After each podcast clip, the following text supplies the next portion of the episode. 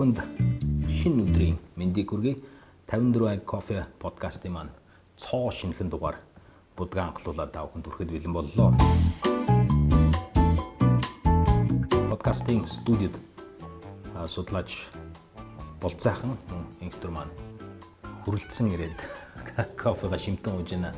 Аян замдаа сайн явж ирв болцаахан. Оо сайн байцгаана уу. Сайн явж ирлээ. Чи сэлэнгээс ирсэн гэсэн. Сэлэнгээс Япон Японы Токиод сураад байгаа гэсэн чи сэлэнгэд амарч ирсэн. Нүүр цэгийн нээр хар бараалаа. Японоос ирсэн хүмүүс чи цагаан байд гэсэн тий. оюутан хүн чинь нөгөө Мятын өндөр билетийн үнийг дийлэхгүй тэгээд Сибирь хүртэл нисээд тэндээс буугаан цуугаад тэгээд Монгол төрлөө шүү дээ. Амьдрал амьдрал хэцүү байна. Би рейнж л унж байгаа гэдэг шиг. Буугаанд нөгөө арттайгаа Орос Оросынхаа арт түмэнтэйгээ яваад аа, ирлээ. Тэгээд миний хажууд суусан Орос ээж хүүхдээ зодоод шүн амир хэцүү орлуулаа зодоод болтгоо би бүр яага мэдгүй болооч Хэл байдгүй гэж. Орос хэлгөө яага мэдгүй эвгүй эвгүй явж ирлээ. Тэр их төмрийн хаагур нь явсан. Түүмрээс болоод онгоц маань 2 цаг хойшлогдоод ерөөхдөө шүн дунд буусан. Гэтэ түүмэр бол надад нэг мэдэгдээгүй. Би нэг удаагүй болохоор ер нь гаг болцсон гэж ойлгосон шүү дээ. Яг наваг очих хоёр. Тийм. Нөгөө нэг хар хорхой нүүдлээд байгаа гэсэн сурагтай түүмрээс болоод Оросоос. Тийм Монгол руу ороод ирсэн чинь үер болоод живцсэн. Түүмрээс цухтаж ирээд Монгол дээрээ живчлээ гэж харж байна. Тийм бид нар жаа Улаанбаатартаа тэгэл усан далаад далаад гарцтай болцсон. Тэгээ замын цагдаагийн албанд усан флотын шин хилтэс нэгдсэн. А, Маш хурдцтайгаар усанд сэлэлтийн болон уртыг хараалтын секцэд гуйлангууд олноороо нэгдэж байгаа. Тэр гиснээс манайх чи юутай усан цэргийн флоттой тий. Цэргийн биш шүү дээ. Зүгээр усан усан гэвтэй. Усан замын юутай хэрэгжил газартай л. Оо тийм үү. Тийм шүү нэг зад байдаг тэр юм дээр дээ. хөсгөл Нэг биш ээ. Олон улсд байдаг шүү дээ. Тийм. Монголын талбайтай онгоц. Бараг 100 гаруй байгаа шүү. А энэ удаагийн комментиг бол уншаад хэрэг байх зүгээр биднийг хитрхи их маазраад энэ гол сэдвээ ярихгүй нэг гэсэн сүүлийн 2 дугаарт тэр нэг жоохон сериозны явж үзсэн. Яг үнэндээ болж чадахгүй юм билий. Болохгүй юм билий. Гэхдээ нэг шүмжсэн байхгүй л шүү дээ. Байсан. Аа. Тэрийг нь болохоор бичингүүдээ арилгуулчихад байхад дөрөвтэй холбоотой Нэг нь байна. арилгах юм байна. Төрөгийн нууц аккаунтууд уу. Дөрөгийн нууц аккаунтаас айгүй гойгоо нь бичиж байгаа. Тэр судлаач инх төрийн а, ярианы цар хүрээ сэтгэлгээний гүнзгий байдал үнэхээр бахархмаар цэг цэг цэг гэж байгаа. Үнэл хийсэн байна да. За ингээд өнөөдрийнхөө сэдвт а, оръё. Тэгэхээр амар сериусны болчих гээд шүү. Өнөөдрийнхөө сэдвт оръё. Өнөөдрийн сэдв а, а, инх төр сонгосон байгаа. Ямар сэдвэр ярилцсан л Авилга. ганц чаддаг юмар гэж. Туршлагаар туршлаган дээрээс. Уул нь айгүй сериусны ярих хэвээр сэтгэлтэй. Тэгээ өвдөг нь уу авдаг нь юм уу? Тэгээ хэлээ. Өөр хүмүүсийн бодолцох гол явж байна авилга. гэдэг шиг. Өөр хүмүүсийн авилга. Гэхдээ яг зүгээр гол би ойлгоод байгаа нэг жаа юм. А, Авилга гэдэг ухагтхан ойлголтын талаар нэгдүгээрт хоёрдугаарт маш энгийн асуулт байгаа шүү дээ. Монголчууд төрсөн нутагта амьдрахын тулд яагаад авилга өгөх ёстой юм бэ? Энэ асуултын эргэн тойронд ярилцсан илүү одоо өөжтэй бөгөөд сонирхолтой байгуулах гэж бодож байна. Яг яг Яагаад авилга яагаад би өнөө энэ 7 хоногт одоо авилгыг онцлоод нэхлээр одоо сошиалаар их явсан та нэг хурган даргын амьсдж байгаа бичлэг тий. Хурган дарга гэж тэр чинь хург биш бүр хургнаас арай жоохон том Гоцон дарга байсан. Гоцон дарга юм шүү. За мэдхгүй ямар ямарсан тийм нэг мэрэгжлийн ялтын 20 цэрийн дараах хүний баригдж байгаа бичлэгийг гаргасан. Тэгээ тэрийг хараад сошиалч хүмүүс их шуугж гин тий. Тэгээд ерөнхийдөө авилга бол одоо яг тэр бичлэгээс харахад бодиттой байна. Авилгын цаар хүрээ бол амар болцсон юм байна. Тэгээ төрийн албанд бол тиймэрхүү кейс бол маш энгийн үзэгдэл болцсон юм байна гэдэг ерөнхийдөө бүгд тэрийг ойлгох шиг боллоо. Тэгээ тэрнээс үүдэлтэйг нэг авилгын талаар ярихгүй бол бүгдээрээ энэ чинь бүр газар авсан юм шүү гэдэг юм. Ер нь бол бид хэд Өнөөдөр өнөөдөр сэрж байгаа шүү дээ тэгж хэлээд байна. Ер нь сүүлийн Гэхдээ ховсгөл байсан л да. Гэхдээ ингээд яг бодитоор ингээд бичлэгээр ингээд харахаас шал гондоо байхгүй. Хүмүүс ингээл сонсох чинь нэг ондоо бодитоор харах чинь шалганд байгаа яг нэг өмсөө дийш нь дата баригдаж байгаа. Тэгээ ойлгож ингээ 100-ын доллар ингээд юу ингээд бодол гаргаж ирэх чинь бас амар байхгүй. Яасан барьцсан уу? Тэгээ ууц нөгөө хитрхи нэмэх 18 та кино үзээд өө би ч яста гурилдтiin байна да гэдэг шиг л тэгээд тийм бодол төрсэн юм шиг л. Ямар төрийн албаа гэж байна. Надад ч. Ийм 30 жил сүүлийн 30 жил нөгөө манай улсад нүүлээд байгаа хамгийн том канцер бол авилга гэж онцлоод байгаа шүү дээ. Гэхдээ яг зүгээр энэ дээр нэг ялгаатай юм байгаа нь юу гэхээр за дорны ард түмэн бол хүнд баярлаа гэж хэлээд аль болохоор сайхан сэтгэлд үлдэхийг боддог. Бэлэг өгдөг гэж. А тэгээ бэлэг өгдөг. А тэр бэлгийн том жижигтэл асуудал байх шиг байна тийм үү. Зүгээр одоо юу гэж хэлдэг за айгүй баярлаа гэж хэлээд нэг кофе авч өгч юм уу баярлаа гэж хэлээд нэг жижигэн цай авч өгдөг ч юм уу. Тэрэнд бол нэг тийм асуудал бол байхгүй. Аа тэгээд тэр юу гэж хэлдэг тэр өмсөндөнүүдийн хэмжээний дайны юм бол тэгэл асуудал дагуулаад явах нь. Тийм. Гэхдээ PT corruption, grand corruption гэж хоёр байгаа даа шүү дээ. Олон улс тийм гэдэг жижиг жижиг авилга, том авилга гэдэг. Жижиг авилгыг бол одоо яриха болио угаасаа тэр бол миний бодлоор бол нөгөө төрийн менежмент буруугаас болоод тий Тэгээ нөгөө нэг имч багш магш гэсэн хүмүүс нэг тийм гарын биелэг янз бүрийн юм ингээ авдаг. Тэрийг бол одоо төрийн менежментээр шийдэх хэрэгтэй асуудал. Хүмүүсийн амжиргаа дээшлэр угаасаа тэр асуудал одоо буурдаг баг. Тэрэн дээр энэ Азийн сангийн 17 онд хийгсэн судалгаа байсан. Нэг агууштай үзүүлэлт нь юу байсан бэ гэхээр иргэдийн маш цөөхөн хувь нь одоо petty corruption буюу өдөр тутам ажиллаа хамжуулахын тулд одоо нэг стожинкийн хурган даргаад нэг гарыг нь зайлуулах гад юм өгдөг ч юм уу. Тим corruption одоо хурган тарих чинь бүр том corruption. А хурган биш. За одоо юу гэдэг нэг одоо зүгээр нэг эмч багш. Тийм эмч багш ч юм уу ажлаа үзэлгүй явахаар нэг хідэн дөрөв өгөхөөсөөр аргагүй болдог ч юм уу тийм ингээд өгчүүл нэг ажил нь хурдан бүтчихдэг. Үйл хөдлөлтөөр очиод нэг 8 цаг болох юм нэг 2 цагт гаргаад өгөөч гэх нэг 20 цаас өгч юм уу. Тэр corruption бол одоо нөгөө шилжилтийн үед э, Монголд бол эд одоо газар авж агаад ерөнхийдөө хүмүүсийн амжиргааны төвшнгөөс гайгүй арай гайгүй болоод ирэх үеэр за нөгөө тэр менежментийн шинжилэл бас явагдсан шүү дээ. Гэх мэтлэн цахим төрөнөтрээгээл одоо гадуур үйлчлэлтүүд юм ажил ажиллаа амжуулъя гэдэг тэгэхээр бас харьцангуй гайг болцсон байна. Тэгээ хүн суртал бол бас гайг болчихсон. Үүнээс үүдээд энэ petty corruption бол нэлээд бага болчихсон байсан. Тийм олон хүн бол нэг өдөр тутамд биднэрт одоо мэдэгдээд идэг гэж хэлээгүй байсан. Эсвэргээр grand corruption буюу тэр нь улс төрийн ч юм уу маш том хэмжээний одоо яригдж байгаа мөнгөнд өрөөнийх нь хэмжээ нь тэр бүм тэр бүм тий. Ийм corruption бол иргэдийн зүгээс сүүлийн жилүүдэд маш их газар авчижээ гэсэн тийм perceptionтэй буюу тийм бодолтой байгаа юм байна. Гэхдээ нэг сад марлын сулааг харахаар нөгөө толгомцсон асуудлууд дотор бол авилга бол дандаа 3 4 дүүгээр те. Тий. Доогуур явж. Сант марлын судалгаан дээр ягаад тэгж өндөр гарч байгаа юм бэ? Ерөөсөө л хүмүүс өдөр өндөр бага байгаа юм уу? Бага тий. Чин бол нэгдүгээрт ядуул ажилтгууд чухал шууд тэгж үзэх юм бол боловсрол гэж явсаар байгаад аюулгал орж ирж байгаа байхгүй. Тэр чинь одоо яг ч энэ инхтөрөө эхлээд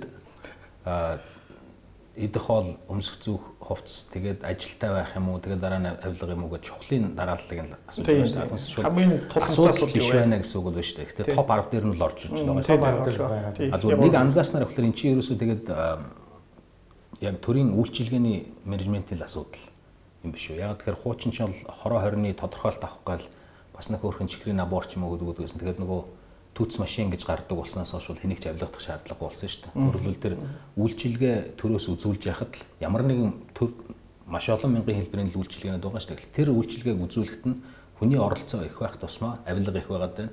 А бага байх тусмаа алга болоод байна гэдэг. А стон дээр нэг төр ярьж байсан шүү дээ. Бүх бүх төрлийн үйлчилгээ дижитал болсон. Бүх нөгөө дижитал пассворд гэдэг нэг юм манай иргэний үнэлэх хөшөө юм өгөөд тэгээд тэр бол хүн болго өөртөө нэг пин кодтой дөрөв оронтой. Тэгээ тэр пин кодоо үйлчлэг авахтаа оруулаад пин кодоо оруулсны дараа гар утас руу дахиад дөрөв оронтой пин код ирээд тэр пин кодын пин кодын тал нь 1 2 3 4 байгаа. Тэгээд үйлчлэгээ авчдаг. Тэгээд тэнд бол тэгэхээр тэнд ямар ч авилгал өгөх шаардлага байхгүй болсон байна. Зүгээр э, миний бодлоор бол авилгал ягаад grand corruption ягаад ихсэж ийн гэхээр манай нөгөө төсөвт эзлэх бишээ дотоодын нөлөөнд эзлэх төсвийн хэмжээ бол нэмэгдээд байгаатай холбоотой гэж. Ягаад гэвэл баг 100 төгрөг Монголд байгаа 100 төгрөгтний баг 60 70 төс рүү улс руу явчихж байгаа юм. Тэгэхээр чин тэр 60 70 төгрөгнөөс ингээд бизнесүүд ингээд ажил авах юугаа сервис үйлдвэрлэхэд бол авилгал өгдөг тийм юм чинь нэмэгдээд байгаа гэж ойлгож байгаа. Тэгэхээр ерөнхийдөө усын төсөв нэгдүгээр бага улам багасах хэрэгтэй байна. Тэгэхээр улсын төсөв багасны төрийн оролцоо чинь багасаад ирнэ шүү дээ. Төрийн оролцоог айлхаар захимжуулдаг ч юм уу хүний оролцоог болгож тэгжээж энтэй тэнцэхгүй бол тэгээд одоо энэ хүмүүс ингээд авилгалыг асуудал бишгээд ингээд хүлээмжшүүрэх маягтай байгаад шүү дээ. Ягаад гэвэл хүмүүс миний бодлоор хүмүүс нөгөө нэг авилга ба ядуурл ажилтгуулын хоорондын нөгөө нэг холбоос юм те олж харж чадахгүй байх шүү. Миний зүгээр миний бодлоор одоо зөндөө судлаачны судалгаач байгаа. Тэгэхээр авилгын өөрх нэг яг жинхэнэ үр дүн нь бол цаана нөгөө нэг ядаргуул ажилтгуулаар илрээд байгаа. Тийм тэрнтэй санал нэг байна. За ингээд бүх санал нэгдэг.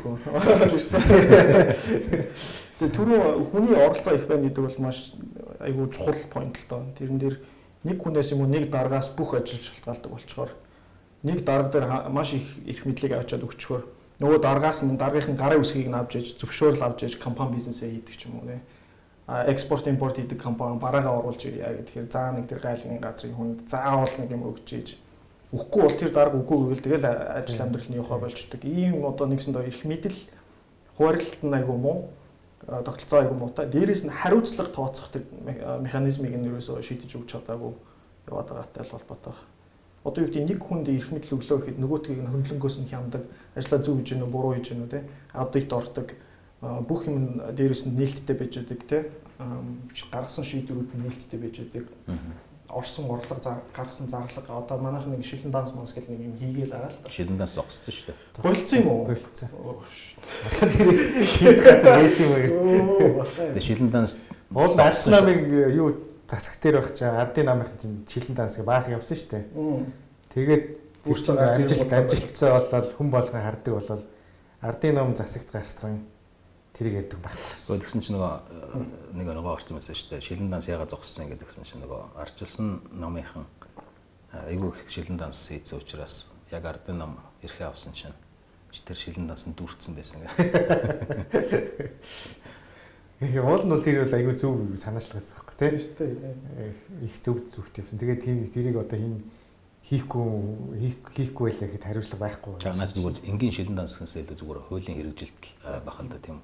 Тодорхойлтын дагуу бол яг авилга гэдэг маань юу юм бэ гэхээр тодорхой заасан албан тушаалтнууд эрх мэдлээ нэг бол хувийн ашиг хонжоо олоход олох зорилгоор ургуулж ашиглах эсвэл бусдад ямар нэгэн байдлаар давуу байдал олгох а эсвэл иргэн хуулийн этгээдээс тэр давуу байдлыг олж явах зорилгоор хийгдсэн одоо нэг бол үйлдэл нэг бол эс үйлдэл гэж аам л да.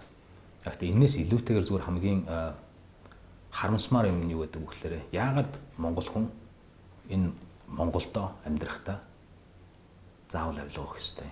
Зүгээр яагаад амьдрч болдгоо. Монгол монгол хүмүүсийн нэг төөрөгдөл байл та. Болохоо бүх юм болохоо гэхээр төр төр шийдэх хэрэгтэй, төр ингэх хэрэгтэй, төр дэх хэрэгтэй, төрийг хүчрхэгжүүлээ гэж байнга ярьдаг.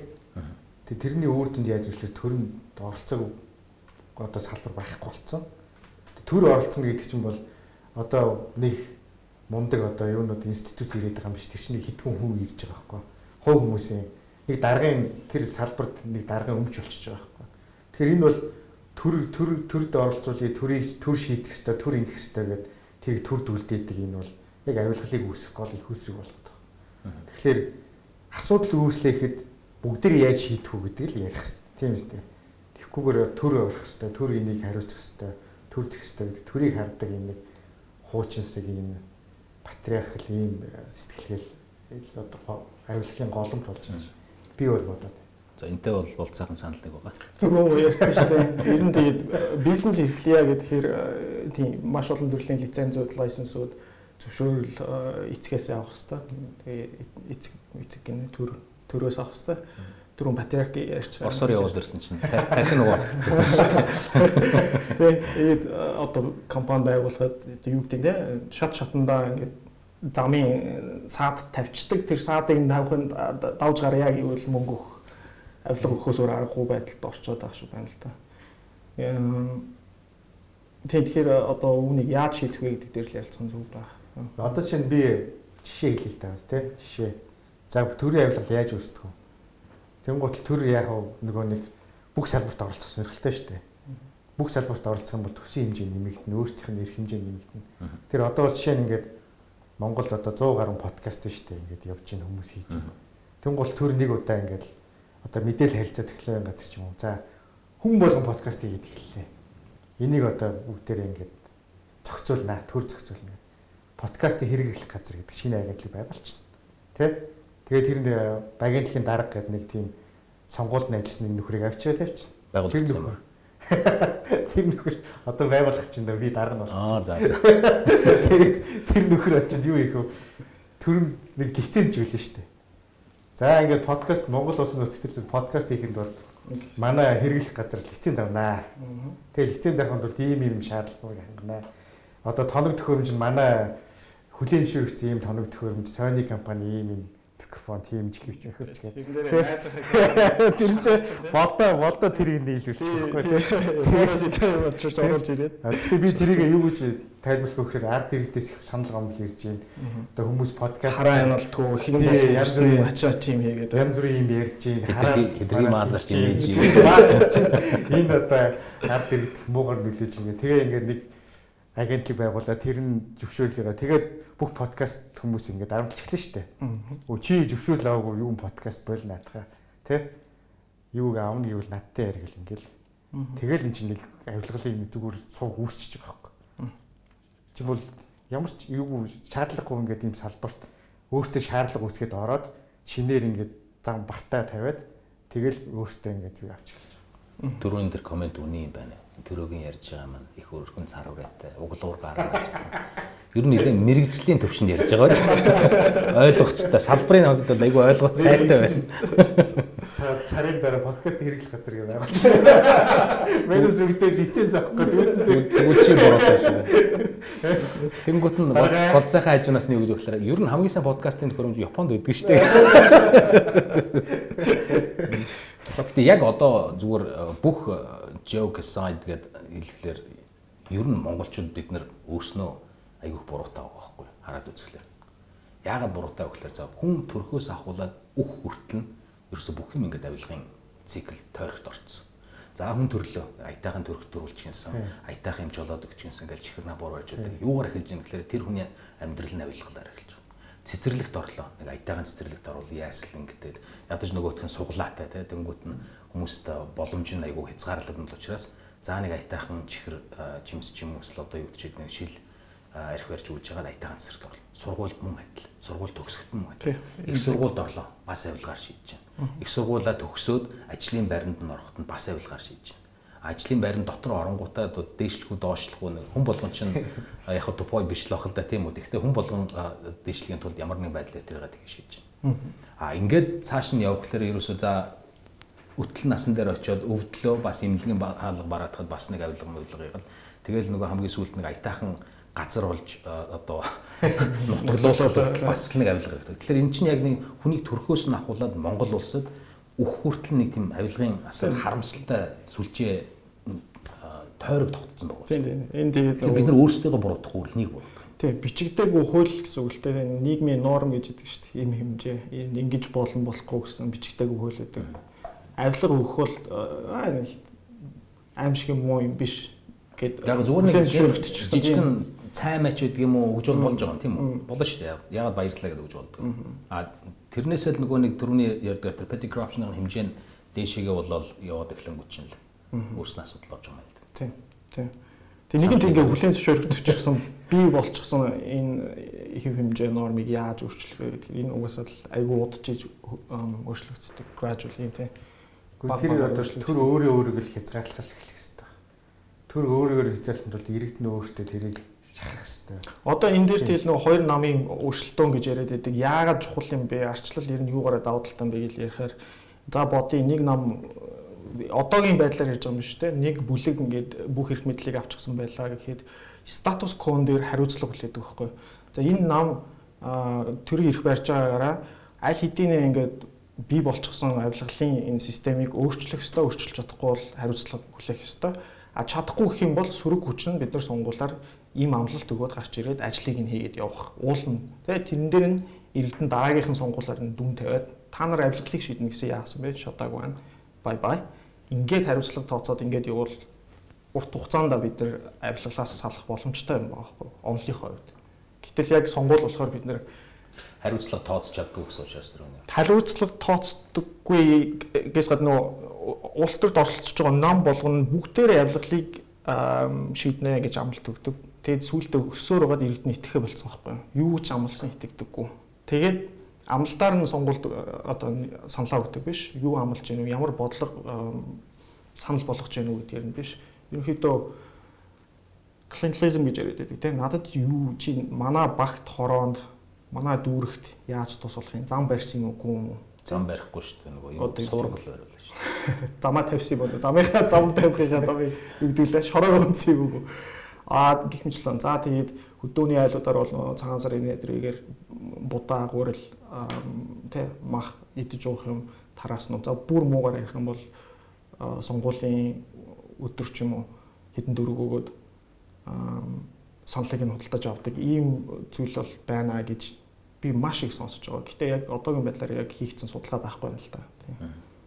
Тийм. Нэг зүйлийг ялгаж харахын нөхлөөр манай ч одоо ингээл э, юм хам тарангуудлаа энэ сонгогчдын саналыг худалдаж авч яана авилгаж яана гэдэг. Үнэхээр одоо тухайн хүнийх нь дүүж ч юм уу тойрогч байдаг юм уу ядуучууд ихтэй хоол хүнсний хувьд хүмүүсийн калори нь тухайн өдөртөө хүрч чаддгүй байсан бол хамгаалах явахтай нэг food program гэдэг маягаар тийм хүнсний э, хүмүүсийн хүнс тэжээлээр хангах тийм хөтөлбөр миний хөтөлбөрөд хэрэгжүүлж болно шүү дээ. Тэрийг ил тод зарлаад бахархалтайгаар луг хийх ёстой юм шиг байна тийм үү. Тийм тэгээ гол хамгийн гол нь хоол өгж байгаа ч юм уу ямар нэг юм тарааж байгаагаар муутгаад байгаа юм биш. Тараа юу нь буруу болчих вэ гэхээр надад саналаа өгөх юм бол энийг өгөө шүү гэдэг юм одоо шантаж маягийн тий энэ нь өөрөө буруу болчиход байгаа байхгүй тэрнээс биш дэлгөөний хил дээр зүгээр бодлого маягаар хэрэгжүүлж болно шүү дээ тийм үнэхээр ядуу эмзэг байгаа бүлэгт хоолны хөтөлбөр бий бол зохион байгуулад улс даяараа хэрэгжүүлээд нээлттэй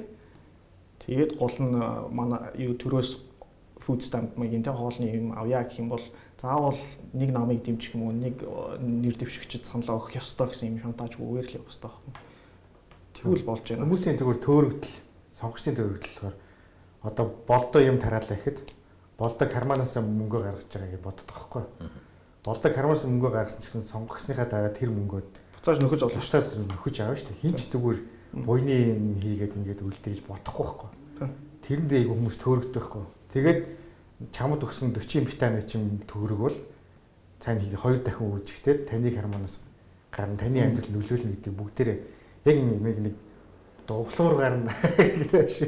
Тэгээ нэг ингэж холбож ойлгоод хараа сурчвал айгүй хэрэгтэй л дээ. Тэгээ манай сонгогчдын төөрөгдөл нь те энэ бусад толгоос арай бага итсэн. Тэ бүгдээрээ итсэн. Угаасаа бүгдээрээ итсэн юм чаа. Энэ хамаагүй те арай бага. Энэ Монгол зөндөө юм хийсэн хүн ингэж итгэхэд яах вэ? Аюу тийм нэгүүлсэн гоо зөндөө л иддэг үстэй. Иймэрхүү тийм нэг нэг хулгайч илүү бус хулгайч нь илүү өмөөрсөн тэрийг зөвтгсөн нэг ийм юм яриад сууж идэг хүмүүс айгүй их байна л та. Тэр бол маш харамсалтай санагдав. Ягаад гэвэл тэр хүн хулгайлахтаа одоо шинэ за энэ намайг дэмждэг чи энэ хүнийг харамнаас би хулгайлахгүй гэж тэгдэг байхгүй. Бүгднгийнх нь тэр хулгайгийнх нь юу тэгдэггүй байхгүй. Гэхдээ нэг гол асуулт нь үгүй одоо яах юм? Яг юу хийх ёстой? Энд чинь нэг тийм гинжин ургал үүсэл яваад байна шүү дээ. Тэрийг яаж зогсоох юм жишээ. Хин нэг нь хизээ нэгэн цагт хийх л ёстой шүү дээ. Гэхдээ бүгдээрээ одоо сэтгэлгээ өөрчлөхөөс аргагүй. Тэрнээс л хэлэх ёстой. Сэтгэлгээгээ яаж өөрчлөх юм аа? Ойлгох ёстой. Авилгалын үр дүн юуг нь ойлгох ёстой. Ойлгоод байна. За тэгвэл юунаас эхлэх вэ? Тийм тийм учраас авилгалыг за за ингээд надад ийм тарааж байгаа бол энэ дараа нь энийг авилга байр байдлаар буцааж авах юм байна ойлгох хэрэгтэй.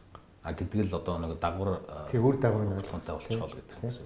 Яг тэгвэл авилгалын үр дагвар хүн болгоныг хармаан тусдаг ямар нэгэн байдлаар тусдаг гэдгийг л бүгдээрээ ингээд тархиндаа амар сайн ингээд гүн бат суулгачвал зүгээр санагдаад байна. Бизнесийн талаас нь бол яг үнэхээр бүх юмний костыг л өсгөөд байгаа л да. Тэг чи одоо юу ч юм тэгээд за ханшийн алдагдал жилд нэг 10% таа байлаа, инфляц нэг 10% таа байлаа гэдэг чинь тэр нэмэлтээр 20%-ийн зардал үүсэж байгаа. Тэгээд дээрэс нь одоо авилгад 10% гэдэггүй 20% гэдэггүй тэгэхээр чинь автоматар 40% ч юм уу зардлыг өсгөж байгаа. Одоо нэг замын тендер мендер гэдэг хүмүүс ярьдаг шүү дээ. Тэгдэг байх л да. Тэгэхээр чинь одоо нөгөөдхөө хаанаасаа гаргаж авч яах гэхээр тэр замаа арай нэг жоохон нэмгэн хийгээд арай нэг жоохон чанар муутай хийчих юм бол авилга төгсөн, инфляц далтсан, ханшийн зөрүүнд төгсөн алдагдлууд нөхөд авчиад байдаг. А эргээд нөгөөх нь яг эргэнд яаж тусч яах гэхээр муу зам барьсан учраас амархан нөхөөсөд тэгээ тэрийг нөгөө тойрч сүлжиж явах гэж байгаа л усан даваард ордог гэдэг ийм л нэг тийм цикл гараад байна. Гэтэ нэг илүү юу харахлаа бол яг одоогийн байдлаар юм байгаа шүү дээ. Тэр цикл нь тэр гинжин урд нь яаж юм гэхээр одоо нам улстрын хүчин болгол нэг тийм цүнх баригчтай тий. Тэр цүнх баригчтны яд үгээр нэг альбом тушаалд очдог. А тэгээ яад үг гэхээр ах нарынхаа хэлсэн юм хийхээс ураарахгүй болдог. А тэгээ эцсийн үндэ яад үг гэхээр шоронд ордог. Тэгээ тэр нь ингээл давтагдаал яваад байдаг. Бүгдээрээ тасцсан. Тэг шоронд орохгүй дэшээ твшээд явдаг бас баахан хүмүүс бах тийм. Тэр чинь карма гэж нэг зэн хэсэгт тэгэл ойлгомжтой шиг. Тэр э, тийм энэ манай байхгүй байгаа судлаач маань судлаачтай ярьжсэн л та ярьжсэн Ер нь бол нэг иймэрхүү албан тушаал дээр очиод авилгын нэдрээ яваад байгаа иймэрхүү хүмүүс хаанаас эхэлдэг вэ гэхээр сунгуул дээр сунгуулийн нэр дэвшигчийн компанид ажил дээр ажиллаж хэлдэг шүү дээ. Тэгээ ялах юм бол шагнал аваад тэгээ албан тушаал томилогдоод явдаг гэж цүнх барьж эхэлдэг шүү дээ. Цүнх барьж эхэлж байгаа. Тийм тэгээд одоо bureaucracy дээр төрийн албан дээр очдог. Тэгээд төрийн алба ер нь байнга л шүүмжлүүлж идэг шүү дээ. Дандаа дараа нь мэрэгчлийн чадахгүй туршлагагүй улс төрийн томилгооны хүмүүс эдэг гэдэг нь хаанаас ирж тийм ийм цүнх барьдаг хүмүүс л очдог. Тэгээ очиж байгаа бол зорилго нь юу юм бэ гэхээр мөнгө олох. Тийм. Мөнгө байхгүй. Амжиргаа өөрийнхөө хувь амьдралыг сайжруулах, тэгээд э, орлогоо нэмэгдүүлэх, орлого нэмэгдүүлэх маш чухал яагаад гэвэл дараа дараа дараагийн улс төрийн карьерт нь маш чухал. Дээшээгээ шатах яа гэвэл мөнгө л байх хэрэгтэй шүү дээ Монголд ерөөс. Бүх юм мөнгөөр явдаг болчихсон сонгол улс төр. Тэр ийм нэг ёстой жонхуу шиг жанхруу шиг жанхуу юу гэдэг лээ. Эдэрнэтэй гэж хэлдэг. Муухай сикл байгаа тийм. Одоо энийг яаж э, засах юм байгаа.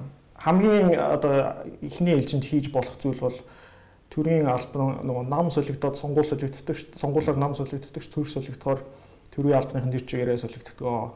Дараа дараагийн томлогооны хүмүүс орж ирдэг гэдээ ярьдаг тийм. Энийг монголчууд их хвчлэн шүмжлэхдээ нөгөө төрийн халгамж залаа залгаа алдагдлаа халахмж залгамж халгаа алдагдлаа гэж яриад байдаг. Залгамж залгамж тийм нэг consistency байхгүй те нэг төрөөс нөгөө төрлөө явахдаа бодлого алга нэ гэж шүмжлээд байдаг. Гэтэл илүү байгаа онох шүмж нь болохоор энэ авилгын нөгөө нэг суурийг бэлтэж өгöd байгаа байхгүй. Энийг авилгын энэ системийг өөрчлөх боломжийг нь олгож өгöd юм аа гэсэн үг. Аа гэтээ бас хүмүүс мэддэг л дээ. Тэгээ монголчууд айгүй сонирхолтой сонирхолтой үг хэллэгээр томьёолдог шүү дээ. Нэгдүгээр ээлжийнхэн хоолндоо орлоо, хоёрын нь орох гэж юм ч юм уу. Тийм амралтанд явахаар хоолнд ордог. Тэргээр ингээд маш том юм авилгалын энэ болоод байгаа системийг хүмүүс угаасаа мэдж байгаа ойлгож байгаа. Сонгуулийн явагдсан дараагийнх нь хоолнд орно. Асуудал бол нэг төр. Тэгээ гол нь юу вэ гэхээр жирийн иргэний хувьд ийм том асуудал байгааг ерөнхийдөө мэдээд гадарлаад чи одоо манай ах шиг подкастыг сонсож байгаа мэдээ үзэж байгаа ном сонин уншиж байгаа шүү дээ хүмүүс чинь гол нь нэг хүний хувьд те юу хийж чадах юм бэ? Яах юм бэ? Тэгээ энэ дээр нөгөө collective action problem гэдээ ярьдаг шүү дээ те. Олуулаад шийд нийлжиж л заавал шийдэх ёстой. Тийм зүйл дээр ганцхан би оролцсноороо нөгөө хүмүүс оролцох оролцох нь оролцохгүй тодорхой биш болохоор оролцохгүй байх магадлал ихтэй. Яагаад гэвэл надаас маш их зардал гарна шүү дээ. Би ганцаараа гараад энэ том grand corruption-ыг шийдэх ямар ч боломж авахгүй. Би ямар бацаан тийм юм те саналаа саналаа үзээд бацаанда шийдсэн юм. Үгүй юу шийднэ гэж л одоо ингээл санахгүй нөгөө юу? Талбай дээр нөгөө тоошиг нүдэж эхлэв тэгээд манай нэг одоогоос нэг 70 жилийн дараа бас нэг э, өвөө болцсон. Тэгэл их хуралцооцсон тэгэл би яг одоо шийдэх гэдэг нэг хэлсэн. Миний арт түмээ ингээл хонгол гэлээ амар ярьж байдаг шүү. Юу зүгээр хараад хад яг ажиллаж харж байхад Монголд яг зарчимтай улсууд бол аягүй зөвхөн болцсон юм байна л да. Зарчим гэдэг чинь яаж юм гэхээр за энийг хийж болно, энийг хийж болохгүй гэдэг нэг тийм өөрсдийн компас одоо баримжаатай, чиг баримжаатай байгаа. Тэгэхгүй тэгэхгүйгээсээ яадаг вэ гэхээр үнэхээр одоо түрүүний болцоохны дээр шүмжлээд байдаг цонх баригчдаг бол үнэхээр ойлгомжтой байгаа байхгүй юу гэхээр шийдэмгий биш өөрсдөө оригинал санаа бол гаргаж чаддаггүй. А тэгэл нэг тийм аялдан дагалдагчд маягтай явдаг. А тэгээ нийгэмд ямар нэг байдлаар одоо үр дүн ерөөсөө сайнаар ч юм уу авчирч чаддаггүй. А тэгэл сайнаар авчирч чадахгүй болохоор үндсэн үр дүн ойлгомжтой шүү дээ. Муу үр дүн авчирч байгаа. Тэгээд айгүй тийм токсик маягийн л санагдаад байгаа зүгээр хамгийн шийдэх зөв жишээ гэж харахаар бид нар чинь нэг тийм дэлхийд дээр анх удаага өөрсдийн гэсэн авилгын кейстэй болсон байгаа биш үү. Тэгэхээр хаана яг зөв жишгээр шийдэд байгаа. Тэрийг нь Монголдо яаж нэвтрүүлэх юм бэ? Төрөний тэр төрөөгийн яваад ирсэн гэдэг бол Эстонд гэдэг бол хамгийн зөв л байгаа. Тэгээ одоо бүх юмыг түүц машин шиг тэр хүний оролцоо байхгүйгээр процесстэй болгочих юм бол ямар түүц машиныг очиж чехладаар бүрэлдэхтэй байж тээ. Тэглээгээд хурдан гаргаж өгөхгүй нь ойлгомжтой. Тэгэхээр тийм жишээнүүдийг л авчиж Монголдо их сайн юу яхтай юм шиг. Тэгээ дээрэс нөгөө төрийн оролцоог маш бага байлгах. Яг л төрийн оролцоо гэдэг маань тодорхой хугацаанд мандат авсан хэдэн хүмүүсийн асуудал шүү дээ. Одоо тэгэл ямар ямар л юм болохоор төр авах хэрэгтэй. Төр их авах хэрэгтэй гэл те. Бүх юмнууд төрлөө ингээд арт түмнөөрөө шахсаар байгаа төрлөөгөө авдаг. Төрлөө аав гэдэг нь зүгээр нэг хүний л өмч нэг даргын өмч очиж байхгүй. Тэгвэл би нэг судалгаа онс нэг авилгалаар одоо авилгын нэг төгрөг үүсгэхийн тулд бизнесийн 5 төгрөгийн боломжийг хаадаг гэж байгаа байхгүй. Тэгжээж авилгалын нэг төгрөг үүсдэг. Өөрөөр хэлбэл одоо бизнесийн 500 төгрөгийн ашиг хаагаад өөртөө 100 төгрөг аав. Тэгээд тэрийг 400 төгрөгийн юуг нь боломжийг олгоод байгаа байхгүй. Тэгэхээр эн чинь бол манай эдийн засгт асар их дарамт үзүүлж байгаа гэсэн үг шүү дээ. Хувийн хөвшилт тий. Ялангуяа жидвч, жинхэнэ жидвчт тий Ламброос жинхэнэ хуурамчд болсон юм. Хуурамчд байж тэр ч одоо. Улсын хурлаар хуурамчтай дижээ гэдэг шиг байна. Зүгээр сонирхож асуухад нөгөө гадаад дотоод явдаг хүний хувьд болтоогоос асуухад гэдэг шиг. Ихтер жолтос үлээд надаас илүү хаадаг биз дээ. Ихтрээс асуу. Японд авилгын талаарх иргэдийн ойлголт юу гэдэг юм? За яг энэ дэр хоёр сэтгэлгээний онцлогийг харьцуулж харах гэсэн. Мм за өстой судалж байгаагүй юм байна. Японд аноо гэдэг шиг. Тийм, өстой мэдхгүй зүйл байна. Гэтэ ерөнхийдөө бол ёс зүйн алдаа ёс зүйн одоо юу хин цензур те. Босго бол аюу өндөр шүү дээ Японд. Нэг жоохон ёс зүйн алдаа гаргахад улс төрчид аюу том скандалд ордог. Тийм тэгэхээр авилгын кейс сүлд одоо юу гэдэг японочдыг ингээл манайх шиг тэ 60 тэрбум жидүү омс гэл ингээл одоо хитэн сар болол ингээд дагалддаг ийм хэмжээний том скандал бол би санахгүй байна. Магадгүй болж л байсан байх л та. Тэр нэг дэвүүр тараагаад нэг сайд яал огцорлоо. За за тэрийг бол санахгүй. Саяхан зүгээр тийм чи халуун өдөр байсан юм шүү. Дэвүүр бол тарааж л байдсан шүү дээ. Сайд нь дэвүүр тараагаад огцорлоо гэж бас. Тийм тэгэхээр ер нь тийм цензур юу тэр босго айгүй өндөр те улс төрчдөөс айгүй профешнл юу үйлдэл айгүй шаарддаг тийм өндөр шаардлага тавьдаг. Өндөр шаардлага тавьдаг тийм хүмүүс байдаг. Сая зүгээр яг нийтдээ юм нь саяхан сонгуул болж өнгөрсөн upper house гэдэг нөгөө Японч нь хоёр танхимтай шүү дээ парламент нь дээд танхимын сонгуул болох шиг болсон. Би ерөнхийдөө бол нэг сайн анхаарал бол хандуулаагүй. Үрдэн ойлгомжтой. Үрдэн ойлгомжтой билээ. Нэг сонирхолтой бол яг хамгийн сонирхолтой болсон юм а NHK гэдэг нөгөө улсын үндэснийхэн телевиз байгаа шүү дээ. Үндэснийхэн телевизийн эсрэг нам байгуулад үндэсний за юу гэдэг нэртэй нам байлаа. Ерөнхийдөө NHK Sax NHK NHK Boluli Network гэсэн тийм ураатай нам байгуулад сонгуульд өршөлтөөд хоёр судал авчих шиг болсон. Яагаад гэсэн ихээр тий NHK-ийн нөгөө нэг NHK-ийн Японы хуулиар чинь гэртээ телевизтэй л байх юм бол NHK-ийн төлбөр төлбөр төлдөг байхгүй юу? NHK-ийн төлбөр авдаг хүмүүс маш муу нэртэй. Тэ айл болгоны хаалга тогшоод хинч хаалга тайлдгүй шүү. Хаалга тайлахгүй тий ерөөсөө жоохон цуглахчих юм бол ингээ харчид харж байгаа зургтай байх юм. За мөгөө өгөө. Гэт идэг болохоор тэгээ тэндээс ямар сонирхолтой ажилт байгаа гэхээр хаалгаар шаасан. Азартаа дэжтэй хоолчин үнэртэй. Хаалга тайлдаг гэдэг. Бүхэл өдөө ингээд улс төрийнх нь орон зай эзлэгдээд нэг ном те нэг намын эвсэл бүх орон зайг нь эзэлчихсэн байхад хүртэл тэнд арчлал явагдаж байгаа учраас толгойн ажиллаж байгаа нөгөө улс төрийн антрепренер хүмүүс яаж нэг бодол заа байж энэ сонгуулаар оролцолтод За хангамж тэтгэвэр татвар одоо юу гэдэг юм гадаад бодлого гэх мэтлийн юм чухал бодлогуудаар бид нар ингээд бодлого боловсруулаад өршөлтөөр угаасаа амжихгүй. Хүмүүст оогчгоос осгочихгүй, коррупшн яхаар мэдгичгүй. Тэгтээ Япон хүмүүсийн за 3 хүний хоёрыг нь нэгтгэж чаддаг тэр зүйл юу байна гэдгийгсэн. Аа мөн хин байнэж гээ. Тэгээд нам байгуулад одоо нэг одоо энэчгээ үздэг хүн баг Японд байхгүй байна. Бүгд л интернет юм үзэж байгаа. Үзэн шүү дээ. Тэгээд Японд ч аягүй болоо өгшүү өгшүү. Энд чинь бас нэг тийм хутгын яваад байсан нэг NHK-гийн хангал монгол гэдэг. Тэрийг бас сонсоогүй бэ.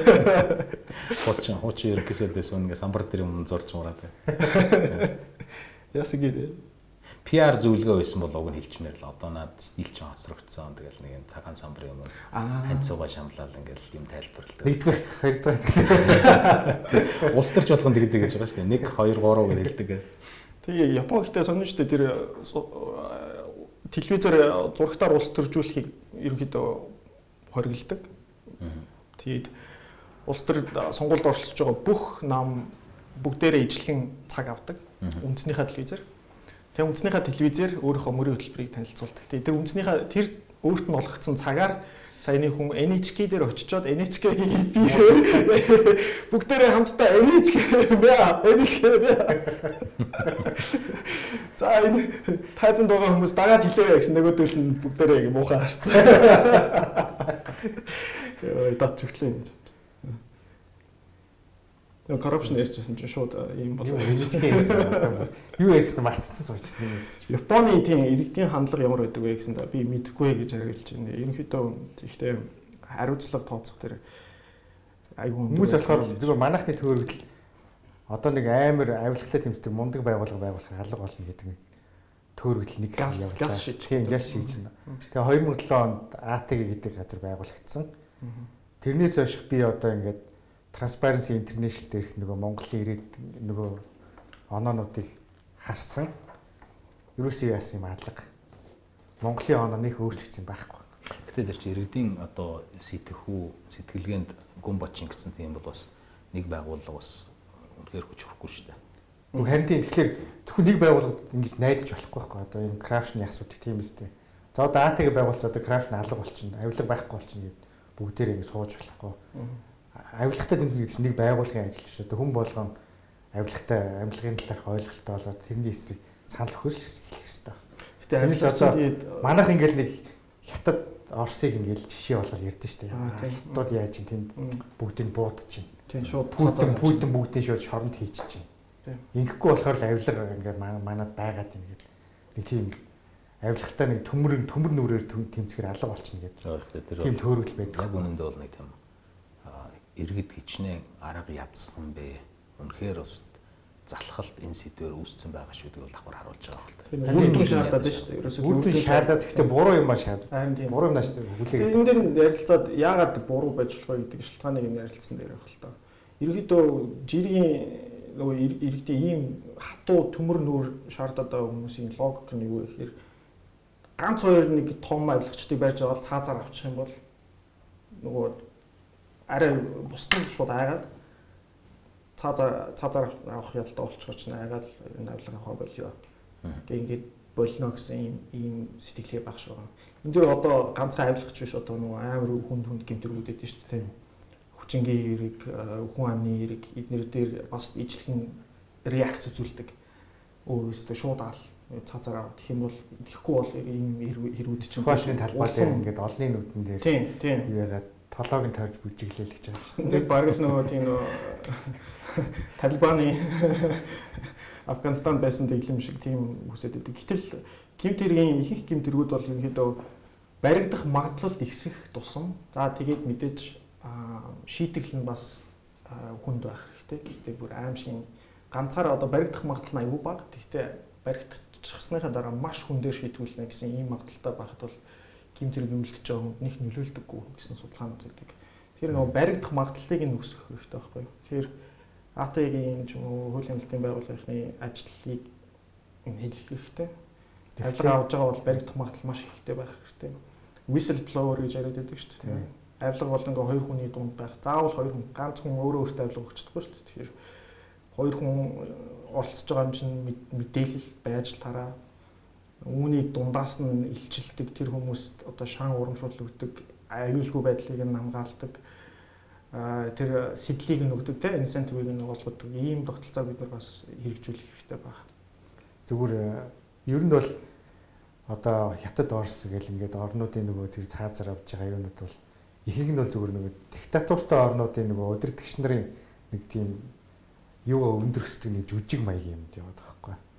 Өөрсдөө нөгөө легитим дигтим чанар те олонний нүдэн дээр би ингэж амар мундаг тэмцдэг удирдах гэдгийг харуулах ихэнх жүжиг үйдэг. Гэтэ яг яг үүндээ тэр орнууд авилгал алга болдгоо байсаар байж идэг. Хүмүүс авилга авсаар байж идэг. Тэрийг нь бол бид нар мэдтгүү. Хүмүүс тэр ямар мэдээ очдөг гэхээр тэнд нэг мундаг хүн мундаг хүн гарч бүх авилгачтай буутчлаа, алчлаа, сайхан болчлоо гэдэг тийм ойлголт үлдээд байдаг. Яг яг тэрнийхэн цаана өчгний цаана юу болж байгааг ингээд яагаад харах юм бол зүгээр л нэг үзүүлэн болгоо ганц нэг хүнийг бариад олны өмнө ингэж харуулдаг. Гэхдээ яг цаана тэр авилгын сүлжээг байсаар байдаг. Тэгээд энэ тэр хүмүүс бас ойлгох хэрэгтэй. Тэгээ цаг хугацаа өнгөрөх тусам бүхэн илэрнэ гэдэг шиг. Тэгэл явах юм байна л да. Сая нэг шинэ мэдээ, сонирхолтой мэдээ гарсан мэт чинь нөгөө Улаанбаатар ч ингээд усанд автаад хагас нь ус улсан чинь усанд нэрвэгдсэн чинь ордны хажуунаас нэг хонгил олдлоо гэдэг. Магадгүй тэр маань нөгөө жинхэнэ хонгил байж магадгүй шүү. Тийм дотор ороо төөрцөө байсан гарч ичээд байгаа. Би тэр чинь шууд утгаар нь ойлгох байсан чинь шууд утгаар нь ойлгох хэрэгтэй байсан юм тий. Үгүй нэрээ тийм шүү дээ. Тэгэхээр тэгээ одоо ямар ч байсан нөгөө төмөн аман төмөн олон амгалан төмөн олон ард түмэн амгалан байцгаа. Хонгил төрийн ордны хажуунаас шудраг усын хангал олдлоо. Одоо ингээд бошуухан битүүлээд тэгээд асуудал доослоо. Ингээд шудраг усын хангал боллоо гэдэг.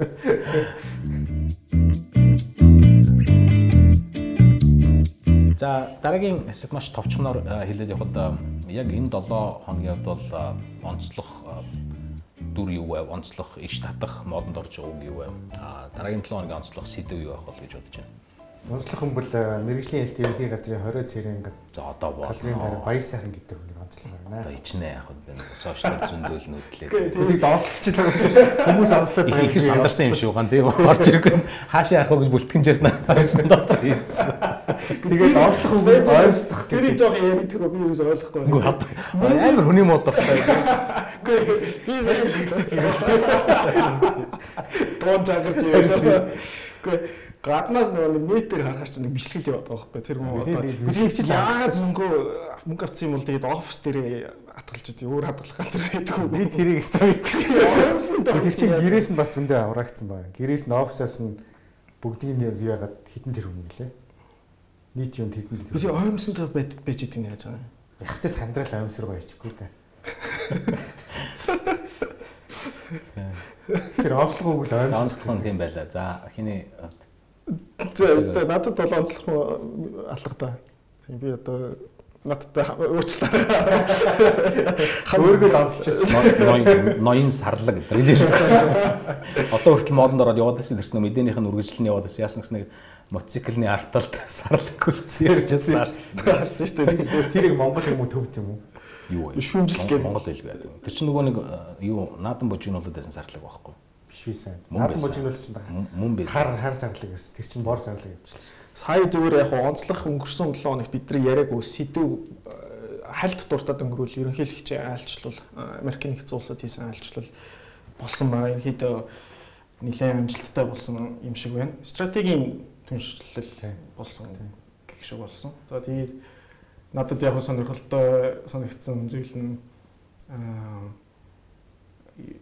манай ерөнхийлөгч байгаа одоо Обама ихийн даатууд байгаа магтах. Тэгээд магтах хэрэг үр хил авны хил авны яриад байдаг. Яа яа. Э нөгөө нэг шар мэч ингэдэг үл.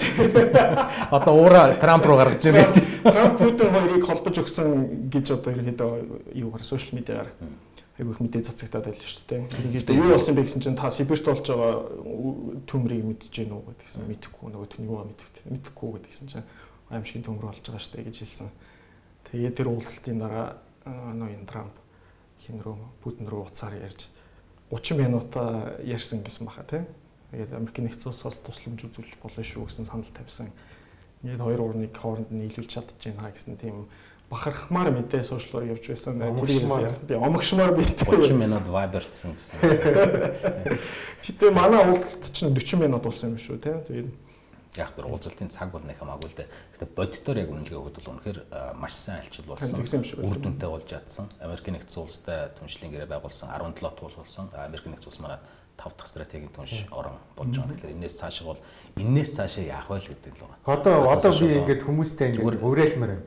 Америкийн нэгдсэн улс Монголын одоо тусгаар төдөл хүлэн ширээд стратегийн төлөв хийцсэн учраас докторлог угаасаа үдийн зөвшөөрсөн. тий тий тий. Тэрийг баталгаажуулаад бүр ингээд нэгдүгээр нийлсэн байл шүү дээ. одоо тусаар технологи санаад Одоо тэр санаа зовхгүй бүгдээрээ нэг нэг орд эзлэгдэхгүй гэж айхгүйгээр ингээд цаашаа прогрессийн зүгтээ ингээд хөгжиж яв явцгаая гэдэг тийм уриалтай юм байна. тусаар технологи их санаа зовсон юм Тий. гэдэг. Үнтэй үнтэй үнтэй л. Үнтэй л байгаа тийм. Гэтэ одоо жоохон цаашаа явмаа. Тэгээ одоо ихтэй бид нар Америк хамгаална гэсэн. Тэгээ энэ дээр зүгээр нэг юм яг хэрэгтэй. Одоо би ч бас шүүмжлүүлсэн л дээ юу гэхээр нөгөө Америкийн нэгдсэн улсад Монгол бол нэг хэрэггүй. Америк Америк л өөрөө Монголд илүү хэрэгтэй гэдэлсэн чинь одоо бараг л Монголод доош нэс. Яг бодтой юм тийм биш байхгүй. Юу гэхээр улс төрийн харилцаа ямар ч сайн байж болно. Гэхдээ энэ маань бизнес эдийн засгийн харилцаа, иргэд хоорондын харилцаагаар баталгаажиж явах хэрэгтэй шүү дээ. А түүнээс бол улс төрийн харилцаа үнэхээр мянга сайн байгаа. Ямар ч бизнесийн харилцаа байхгүй бол энэ бол зүгээр л хиймэл хоосон хүнд ийм л харилцаа. Энийг бол бид нар ойлгох ёстой.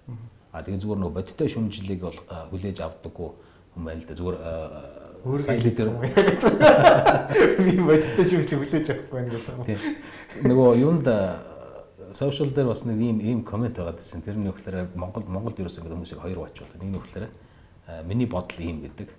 А тэгээд хоёр дахь нь юу гэхээр миний бодол ийм учраас надад таалагдаагүй ямар ч статистик бодит байдал үнэн зөв мэдээл огт байдлын байхгүй гэж одоо ингээ хоёр угаачдаг юм байна. Гэтэ энэ бүхнээс үл шалтгаалаа зүгээр маш товчхон дүгнэлт бол сайн арчилуулсан а чадварлаг гүйцэтгэл ерөнхийлөгчийн зүгээс хийж чадсан. А энийг бол юу гэдэг дуртай дургу бүх хүмүүс хүлийн зөвшөөрөл ингээл цаашаа явах ёстой. Тийм тийм. Одоо энийг ажил хэрэг болох хэрэгтэй. Тийм. Бол заахаа хүлийн зөвшөөрөл. Өнөөдөр тэгээд Пентагоны дарга ирж штэ. Тэр чинь бол бас Хин билээ бас нэг шар юм гэж. шар Айгуу айгуу дарга дөрвөл явчихлаа. харилцаг. Тийм манайх нэг бас нэг морь өгсөн юм аа та. Тийм. Маа уус морь удаг уламжлалтай. Мориноос өөр юм байхгүй. Зүгээр сайхан ямаа. Тэр морьдуудаараа урал уралдаа хий гэсэн санаад гаргасан штэ. Ирж байгаа зочдынхоо зиндаагаар нь юм ямаа Исү исү сарлаг гэж. алтартаас орлого өгч гэдэг. Тийм ээ.